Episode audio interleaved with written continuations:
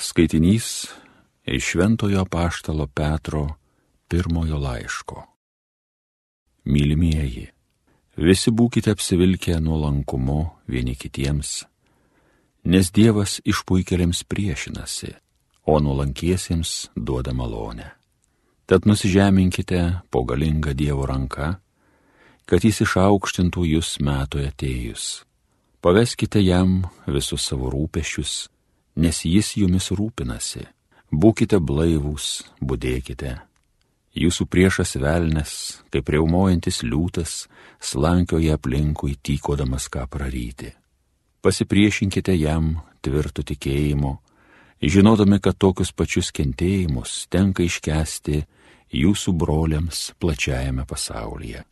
O visų malonių Dievas, pašaukęs jūs jam žinąją garbę Kristuje, pats jūs trumpai pakentėjusius ištobulins, pastiprins, pastatys ant tvirto pagrindo. Jo valdžia per visus amžių amžius. Amen. Per Silvaną ištikimai brolį, tokiu jį laikau, aš jums trumpai parašiau, ragindamas ir liudydamas, jog tokia tikroji Dievo malonė. Tvirtai jos laikykitės. Jūs sveikina kartu išrinktoji Babilone, ir mano sūnus Morkus. Sveikinkite vieni kitus meilės pabučiavimu. Ramybė jums visiems, kurie esate Kristuje. Tai Dievo žodis.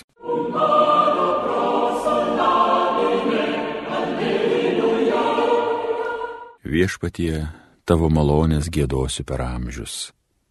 Aš viešpatie, tavo malonės gėdosiu per amžius kartų kartoms savo burną garsinsiu tavo ištikimybę. Juk pasakyta, santarvės malonė užtikrinta amžiams, tvirta kaip dangus tavo viešpatie ištikimybė. Viešpatie, tavo malonės gėdosiu per amžius. Dangus viešpatie garsina nuostabius tavo darbus, tavo ištikimybę šventasis susirinkimas ir kasgi viršum debesų gyvenančiam gali prilygti, į viešpatį, kas panašus tarp šventųjų. Viešpatie, tavo malonės gėdosiu per amžius. Laiminga tauta, kuri tave garbinti moka džiaugsmingai, tavo veido šviesos apšviesta jį gyvena, nuolat linksmina ją tavo vardas, didžiuojas į tavo teisybę. Viešpatie, tavo malonės gėdosiu per amžius. Alleluja, alleluja, alleluja. Mes kelbėme Jėzų nukryžiuotąjį, kuris yra Dievo galybė ir Dievo išmintis.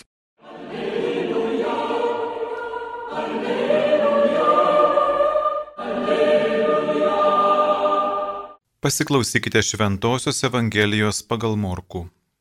Pasirodęs vienuolikai Jėzus tarė, eikite į visą pasaulį ir skelbkite Evangeliją visai kūrinyjei.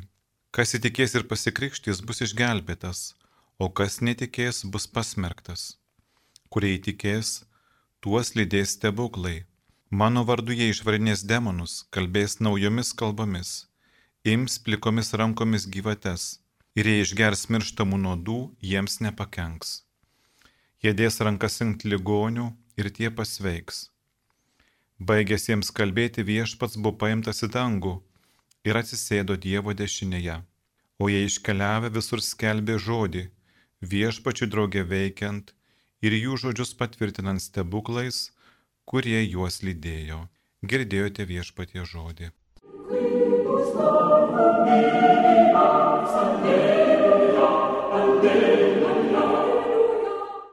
Šiandien bažnyčia prisimena šventąjį Morkų evangelistą ir mums pateikia gražų tekstą iš Morkaus evangelijos pabaigos, kuriame girdime, kaip Jėzus yra išsiuntęs savo mokinius nešti gerąją naujieną iki pasaulio pakraščių, kaip nuostabus ir stebuklingi ženklai juos lydės ir greičiausiai pats Morkus buvo tas gyvas liudininkas visų tų ženklų, nes skaitome jo apaštalų darbų knygoje, kaip jis susitinka Petrą, ką tik stebuklingai išvaduota iš kalėjimo, atskubėjusi į, kaip prašo Jono Morkaus motinos Marijos namus, susitikti su vietos Jeruzalės krikščionių bendruomenė.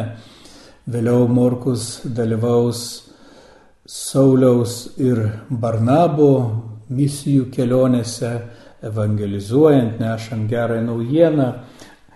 Atrodo, kažkurio momentu su apaštalu Pauliumi jų keliai buvo išsiskyrę dėl neaiškios priežasties, bet vėliau jau Paulius savo laiške kolosiečiams sveikina bendruomenės ir ypatingų būdų paminė Barnabo pusbrolį Morku.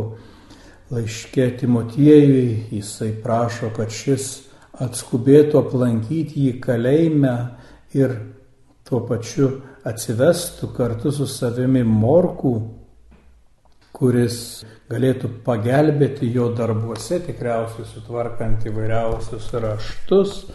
Laiškė Filemonui Morkus jau minimas kartu su Pauliumi ir sveikina bendruomenę, na, o paštalas Petras savo pirmajame laiške taip pat pamini Morku, kurį įvardina kaip savo sūnų. Tradicija sako, kad Morkus buvo Aleksandrijos Egipte bažnyčios teigėjas. Na, o pati Evangelija, aišku, jos autorystė įvairiausiais būdais kvestionuojama, klausima, kas galėtų būti tikrasis autorius, tačiau ji tikrai yra datuojama 60 metais, kad buvo parašyta Romoje graikiškai ir Morkus tuo metu buvo tenais ir Tradicija, žodinė tradicija pasakoja, kad Romos krikščionis paprašė Morkų glaustai surašyti Petro mokymą. Ir iš ties Morkaus Evangelija tarsi pasakoja Jėzaus istoriją Petro akimis, taip kaip jis ją matė, kaip jautė ir, ir labai vaizdžiai aprašyta. Tai yra pati pirmoji beje Evangelija Vėliau tiek Lukas, tiek Matas naudos Morkaus Evangelijos įvairiausias vietas savo pasakojime ir kuo pasižymi Morkaus pasakojimas, tai kad Jėzus pamokslauja dažnai savo darbais, įvairiausiais ženklais, o ne žodžiais.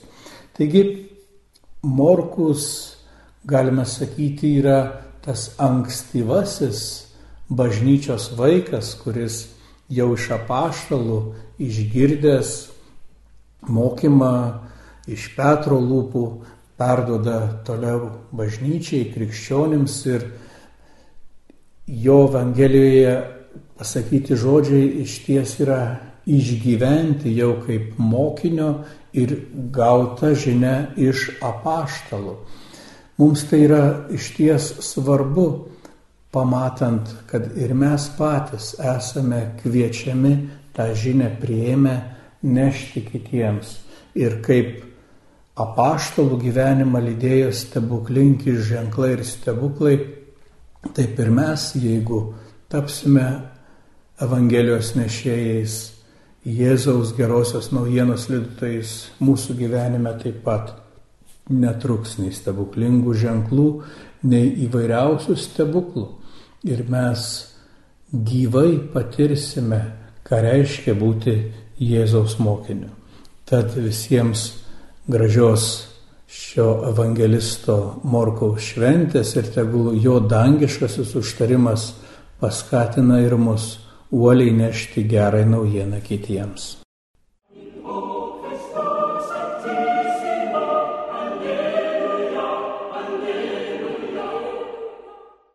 Evangeliją skaitė ir homiliją sakė kunigas Juozapas Marija Žukauskas.